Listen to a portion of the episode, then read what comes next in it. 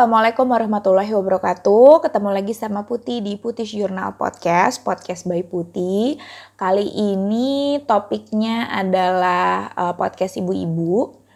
Cuman aku mau sedikit ngejelasin dulu kenapa kayak udah lumayan lama nggak ngupdate podcast. Jadi terakhir itu episode sebelumnya ada di bulan Juni dan sekarang sudah bulan November mungkin ada yang kayak mbak kok nggak ngupdate podcast lagi sih? Atau gimana? Sebenarnya karena memang aku lagi super hektik sama uh, kehidupan sebagai ilustrator. Dan aku memang harapannya adalah podcast ini uh, kalau setiap episode yang aku rekam ini memang adalah sesuatu yang bisa didengarkan untuk uh, seterusnya untuk jangka waktu yang lama. Jadi bukan hanya sekedar ah ya udah deh basa-basi update podcast atau supaya ada update-nya.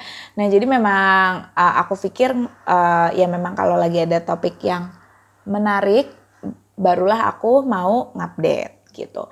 Nah, jadi yang untuk podcast ibu-ibu kali ini aku itu mau membahas soal kenapa ibu-ibu zaman sekarang ini banyak kebutuhannya yang mungkin nggak dirasakan oleh ibu-ibu dari generasi sebelum-sebelumnya.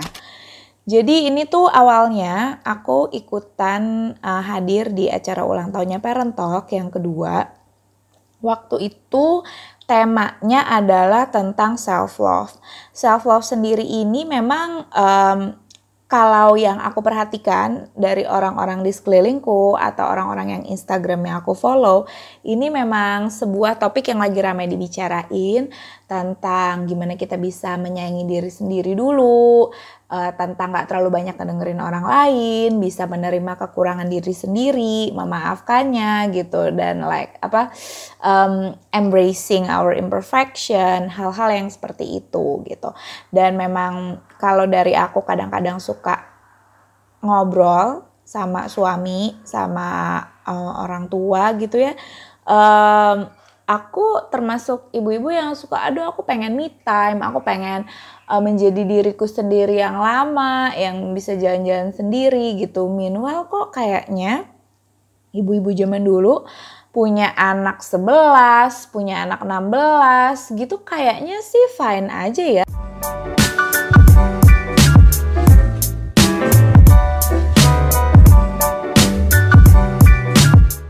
memang uh, apa yang mau aku omongin ini tidak di backup oleh data yang scientific. Jadi aku tidak jujur aku tidak memegang statistik berapa banyak kejadian postpartum depression zaman ibu-ibu dulu dibandingin sama ibu-ibu sekarang. Cuman aku lebih kayak pengen dari sisi yang nyantai aja sih, aku pengen nganalisis aja gitu. Karena memang pas di acara kemarin, Mbak Ayang Irma sebagai seorang psikologis yang menjadi narasumber di acara Parent Talk itu bilang bahwa ya memang kebutuhan kita sebagai ibu-ibu zaman sekarang itu nggak bisa disamain sama zaman dulu. Setelah aku pikir-pikir, memang bener sih ada beberapa hal nih yang aku catat gitu. Kenapa ya kok zaman sekarang nih apa bedanya? Nah, menurut aku yang nomor satu itu adalah beda pola asuh. Jadi kalau zamannya nenek aku dulu yang aku bilang punya anak 11, jadi ayahku tuh 11 bersaudara. Nah, eh, tante-tanteku yang cewek-cewek itu memang jago masak, jago ngurus anak. Kalau lagi nerima tamu tuh bisa yang masak untuk berpuluh-puluh orang gitu. Dan aku merasa oh wow mereka hebat banget ya gitu. Um, tapi aku pikir memang karena zaman dulu itu ketika orang tuanya punya anak belasan, udah pasti nggak mungkin akan dipegang sendiri. Pasti akan ada um, kakak merawat adik, uh, adiknya juga harus cepat mandiri karena yang ngerawat dia bukan orang tua atau mbak ya udah dia harus bisa survive. Jadi gimana juga akhirnya belajar mandiri. Dan uh, yang aku rasakan adalah mungkin zaman dulu itu anak perempuan memang lebih banyak uh, dikenalkan sama dapur. Jadi memang uh, ya mungkin sekolah-sekolah tapi memang tetap ya harus ngebantuin di dapur. Meanwhile, aku harus mengakui bahwa di zaman aku dulu, di zaman aku waktu aku kecil, ibu aku itu punya mbak dan aku itu hampir nggak pernah megang pekerjaan rumah. Jadi uh, kadang-kadang tuh jadi ibu aku tuh termasuk yang perfeksionis, pengen rumah selalu bersih, selalu rapi. Dan kalau misalnya aku mau bantuin, dia bilang, udah udah sana kamu gak usah belajar aja. Uh, karena nanti kalau kamu bantuin di rumah itu jadi malah jadi lama gitu. Uh, ya di satu sisi benar juga, tapi aku pikir-pikir lagi ya jelas aja kalau sekarang begitu aku begitu aku menjadi ibu dan aku harus uh, disuruh ngurusin rumah, ngurusin anak ya aku nggak punya. Itu akan menjadi sebuah lompatan yang besar karena dulu nggak pernah beda sama mungkin tante aku yang dari dulu memang dia harus udah mandiin adik-adiknya, ngasih makan adik-adiknya ya begitu punya anak ya udah itu hal yang mirip-mirip aja gitu. Jadi mungkin nggak terlalu kaget. Lalu aku pikir lagi uh, waktu Uh, ini ya aku ambil contoh dari keluarga aku ya gitu. Karena memang sekali lagi ini tidak di backup oleh data saintifik tapi aku lebih ke ngobrolin apa yang kejadian di keluarga aku. Mungkin relatable untuk kalian mungkin enggak. Tapi kalau di keluarga uh, ayahku sebenarnya memang enggak mungkin nenekku dan kakekku enggak punya ekspektasi anak tuh harus sekolah tinggi, S2, S3, sekolah di Stanford, ah boro-boro. Justru ayah aku itu termasuk salah satu yang paling pertama merantau dari kampung ke Bandung waktu itu untuk sekolah. Nah hubungannya apa? Nah aku pikir karena uh, jadi zaman dulu anak-anak itu mungkin ya zaman zaman ibu kita atau mungkin yang di atasnya memang enggak enggak kayak punya cita-cita untuk kerja di kantor atau apa. Nah begitu zaman kita zaman aku dulu aku SD aku ingat kita harus ngisi buku tahunan yang memang uh, di situ nulis cita-cita apa. Dan semua cita-citanya tuh sophisticated. Entah itu insinyur dokter manajer uh, perempuan pun dikondisikan uh, karena memang dari sisi gender equality juga mungkin sudah lebih baik pada saat aku kecil. Jadi mungkin memang ya kita tumbuh dengan mimpi-mimpi, dengan cita-cita akan bekerja di kantor, akan sukses, akan punya profesi gitu instead of menjadi ibu lebih ke aku mungkin dulu mikir oh hmm, kayaknya jadi ibu itu bukan suatu cita-cita yang ya udah cita-cita gue adalah jadi ibu-ibu bukan. Tapi kayak oke okay, gue akan jadi ibu-ibu tapi ya cita-cita gue adalah ya menjadi apa dulu aku sih desainer gitu. Nah um, jadi aku pikir itu akan menjadi sebuah pembeda ya karena kan kita jadi uh, we grew up with our dreams, kita punya ekspektasi waktu kita kecil. Dan begitu misalnya sekarang ibu-ibu itu uh, di rumah ngurusin anak, udah kan gak biasa, uh, gak dilatih untuk ngedidik adik-adiknya gitu ya. Mungkin ya, uh, terus ya tiba-tiba mimpi-mimpi uh, yang dulu waktu masih kecil itu pingin jadi apa, pingin jadi apa ya ya nggak kesampaian gitu. Kita jadi lebih stres gitu. Nah terus ini yang kedua adalah um, ini sebenarnya konteksnya cukup luas, tapi bisa juga dibawa soal kenapa ibu-ibu zaman sekarang itu lebih uh, lebih rawan secara mental health. Uh, aku pernah baca di sebuah website, aku lupa, aku googling hari ini, aku nemunya the closest I can get uh, was from Psychology Today. Jadi di sini dibilang bahwa sebenarnya uh, zaman sekarang itu banyak millennials atau generasi millennials yang merasa uh, depresi dan anxious. Uh, karena merasa sulit menentukan pilihan. Dalam artian, kita merasa kita memiliki banyak sekali pilihan. Gini, mungkin aku bisa bilang bahwa uh, kita mungkin yang dengerin podcast ini sih pada khususnya kan berarti sudah pada melek sosial media, sudah pada ngerti lah ya um, being connected with our friends through uh, Facebook, Instagram. Menurut aku kita bisa melihat banyak sekali uh, hasil yang bisa didapat dari berbagai pilihan. Misalnya aku, aku sekarang bekerja dari rumah, working at home mom. Orang bisa ngelihat kehidupan atau pencapaian aku melalui Instagram walaupun mereka tidak mengerti perjuangannya seperti apa. Seolah-olah mereka yang lihat itu memiliki opsi itu juga gitu. Uh, jadi misalnya Uh, mungkin langsung ke contoh nih. Aku ngomongin ibu aku. Ibu aku itu adalah ibu rumah tangga. Dan uh, dulu nih sebelum ada zaman sosial media atau segala macam, kita secara natural akan berkumpul atau seringnya ketemu sama orang-orang yang latar belakangnya mirip. Misalnya kita tinggal di komplek BTN, ya kita bisa bilang lah ya bahwa tetangga kita itu kurang lebih ya latar belakang sosial, pendidikannya, uh, secara ekonomi, ya itu akan mirip-mirip. Jadi ibu aku ya dia akan bisa melihat tetangganya ya sesama ibu-ibu dari kelas yang sama yang mungkin pilihan mereka ya udah ya menjadi ibu-ibu atau kerja di kantor gitu. Tidak memiliki terlalu banyak pilihan. Beda sama ya ibu-ibu zaman sekarang yang bisa ngelihat, oh, oh teman saya itu ternyata bisa jadi ibu-ibu yang merintis karir dan kerjaannya bisnis trip terus ke luar negeri. Atau kita ngelihat teman kita yang, oh sebenarnya bisa juga jadi stay at home mom, tapi juga uh, bikin perintilan untuk anak-anak, masak juga. Jadi seperti melihat banyak pilihan yang, oh mungkin kalau saya milih itu saya bahagia ya atau uh, mungkin harusnya saya milih itu gitu. Kita tuh uh, apa ya being overwhelmed by the choices that we think uh, are available.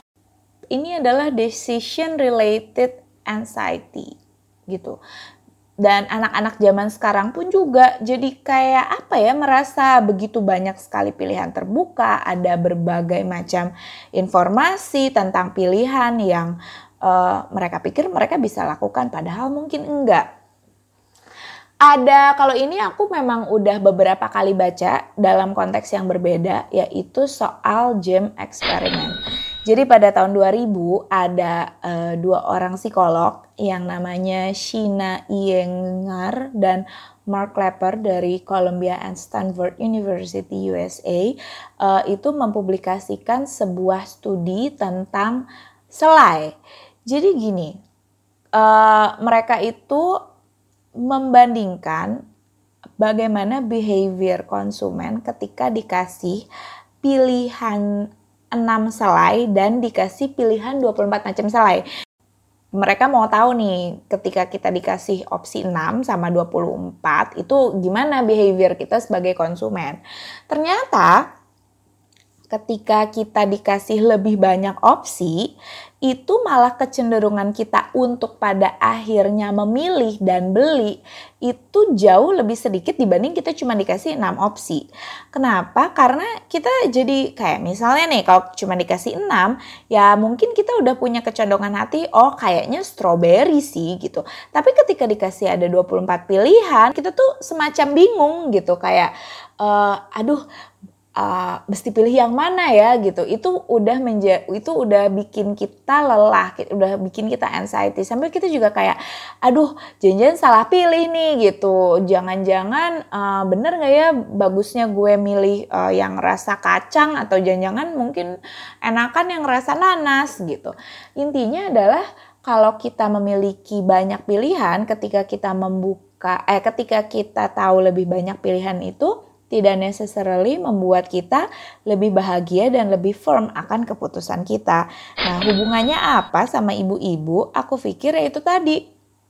Kita ibu-ibu, sekarang kita gampang ngeliat teman-teman kita, teman SD, SMP, SMA, kuliah, uh, ya dengan pencapaian-pencapaiannya. Coba ya dulu saya nggak resign gitu, karena kita ngelihat teman kita yang jadi uh, mengambil keputusan untuk tetap berkarir gitu. Atau misalnya kita memilih berkarir tapi kita ngelihat teman kita gitu.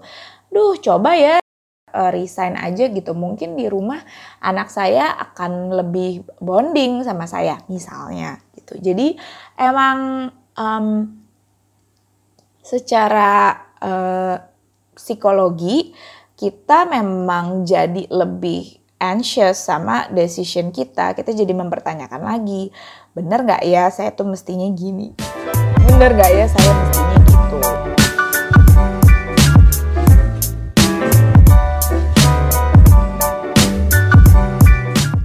Lalu poin berikutnya nih yang aku pikir juga berkaitan sama kenapa sih kayaknya kita itu less happy gitu ya zaman sekarang.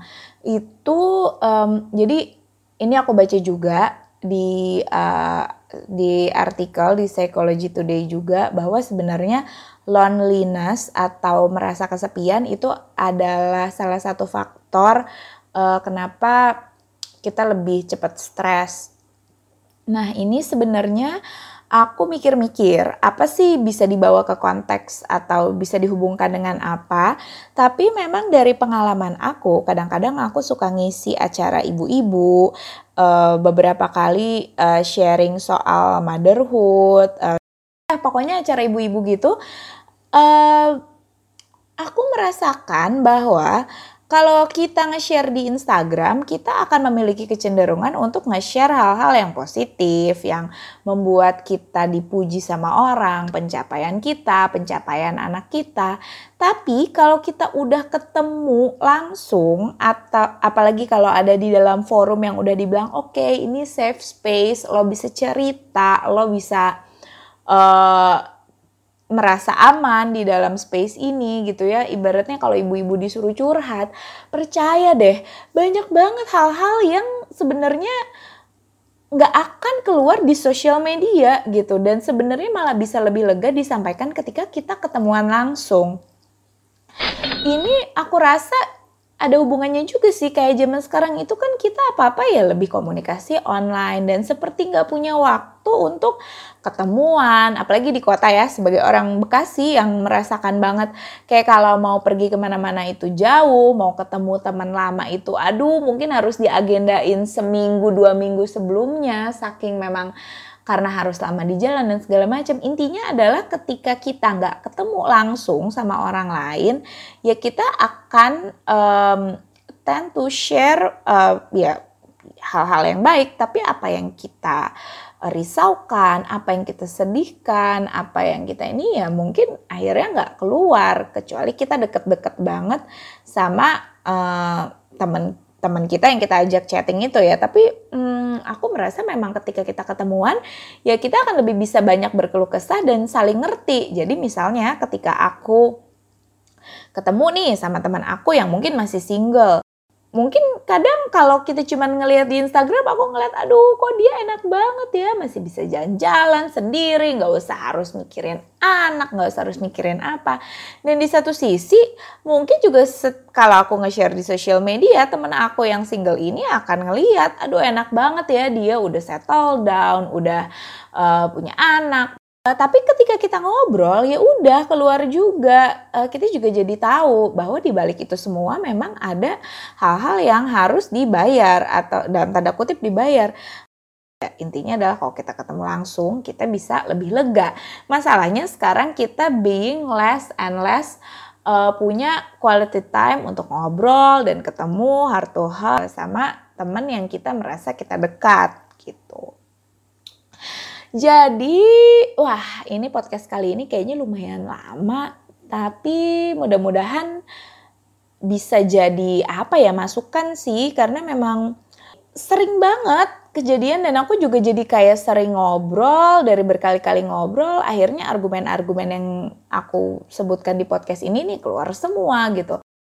Solusinya apa sih gitu menurut aku nggak mungkin juga kalau misalnya kita bilang oh yaudah kita nggak usah punya sosial media kita harus nggak usah ngelihat orang lain. Ya nggak bisa juga dong kan informasi kita pun sekarang banyak dari sosial media banyak hal-hal bermanfaat pun yang kita lihat dari sosial media. Jadi mungkin ya jadi harus lebih bijak dan kalau aku pribadi mikir lebih nguatin ke diri kita sendiri dulu nih. Kita menyadari dulu bahwa sebenarnya uh, ketika kita sudah mem mengambil sebuah keputusan, sebuah pilihan, pilihan itu kan gak mungkin ada yang ideal, gak mungkin ada yang sempurna. We cannot win everything. Jadi harus ikhlas sama hal-hal yang gak kita dapat dari keputusan itu. Misalnya berhenti kerja, ya kita harus ikhlas gak gajian. Jangan lagi dipikirin, aduh coba gue gak risa, mungkin gue masih seperti temen gue yang bisa punya gaji dan bisa belanja-belanja sesuka dia gitu. Atau misalnya di satu sisi lain kita udah ngambil keputusan untuk tetap kerja, ya udah kita harus ikhlas bahwa memang ada jam-jam kita harus ninggalin anak kita gitu ini mungkin udah beberapa kali sih aku share ya di podcast-podcast sebelumnya, tapi bener deh kalau misalnya nggak kita nggak sering-sering ingat soal ini ya memang akan jadi stres gitu. Dan um, apa ya ya memang menurut aku jadi make sense bahwa ibu-ibu zaman sekarang itu memiliki kebutuhan self acceptance, self love, uh, memiliki kebutuhan untuk kayak dibikinin forum-forum yang mempertemukan ibu-ibu satu sama lain karena kan memang jadi stylenya beda banget ya uh, antara kita dan orang tua kita gitu. Jadi treatmentnya pun pasti akan beda. Dan uh, ya kalau soal me time sih ya yang tadi mungkin aku bilang di poin pertama gitu. Uh, kita dibesarkan oleh generasi orang tua yang Uh, misalnya aku pribadi, orang tua aku membebaskan aku untuk pergi traveling sendirian, membebaskan aku untuk um, bekerja sesuai dengan pilihan aku gitu. Uh, jadi memang pasti ada masa-masa kita lebih kita kita punya sesuatu yang kita kangenin gitu. Kita masa mungkin masa muda kita ini lebih dalam tanda kutip complicated dibanding sama masa muda nenek kita yang mungkin ya udah dia nggak kangen me time atau apa karena mungkin masa mudanya diisi dengan mengurusin adik-adiknya. Nggak perlu mita mita mengenang masa muda itu sih itu sih yang aku pikir gitu. Sekali lagi apa yang aku omongin ini tuh adalah pemikiran aku dan nggak uh, kalau misalnya memang ada studinya aku sebutin studinya. Kalau nggak ada nggak ada. Tapi ya memang percayalah bahwa ini adalah sesuatu yang aku obrolin sama teman-teman sesama ibu-ibu. Aku obrolin juga sama suami aku aku obrolin juga sama orang tua aku gitu. Semoga bermanfaat. Semoga juga mungkin bisa jadi bahan obrolan sama uh, keluarga sama mertua gitu ya bahwa uh, sebenarnya ini bukan mengada-ngada kok. Ibu-ibu zaman sekarang yang memang memiliki kebutuhan yang beda sama ibu-ibu zaman dulu. Gitu deh. Kalau misalnya ada kritik, saran, masukan, atau misalnya, Mbak, ini salah nih menurut studi atau statistik gini-gini-gini, feel free untuk uh, kontak aku, bisa email di kontak@byputih.com. Uh, terus mungkin bisa komen di Instagram, share kalau misalnya menurut kamu ini berfaedah. Itu dulu. Mudah-mudahan bermanfaat ya. Uh, wassalamualaikum warahmatullahi wabarakatuh. Dadah.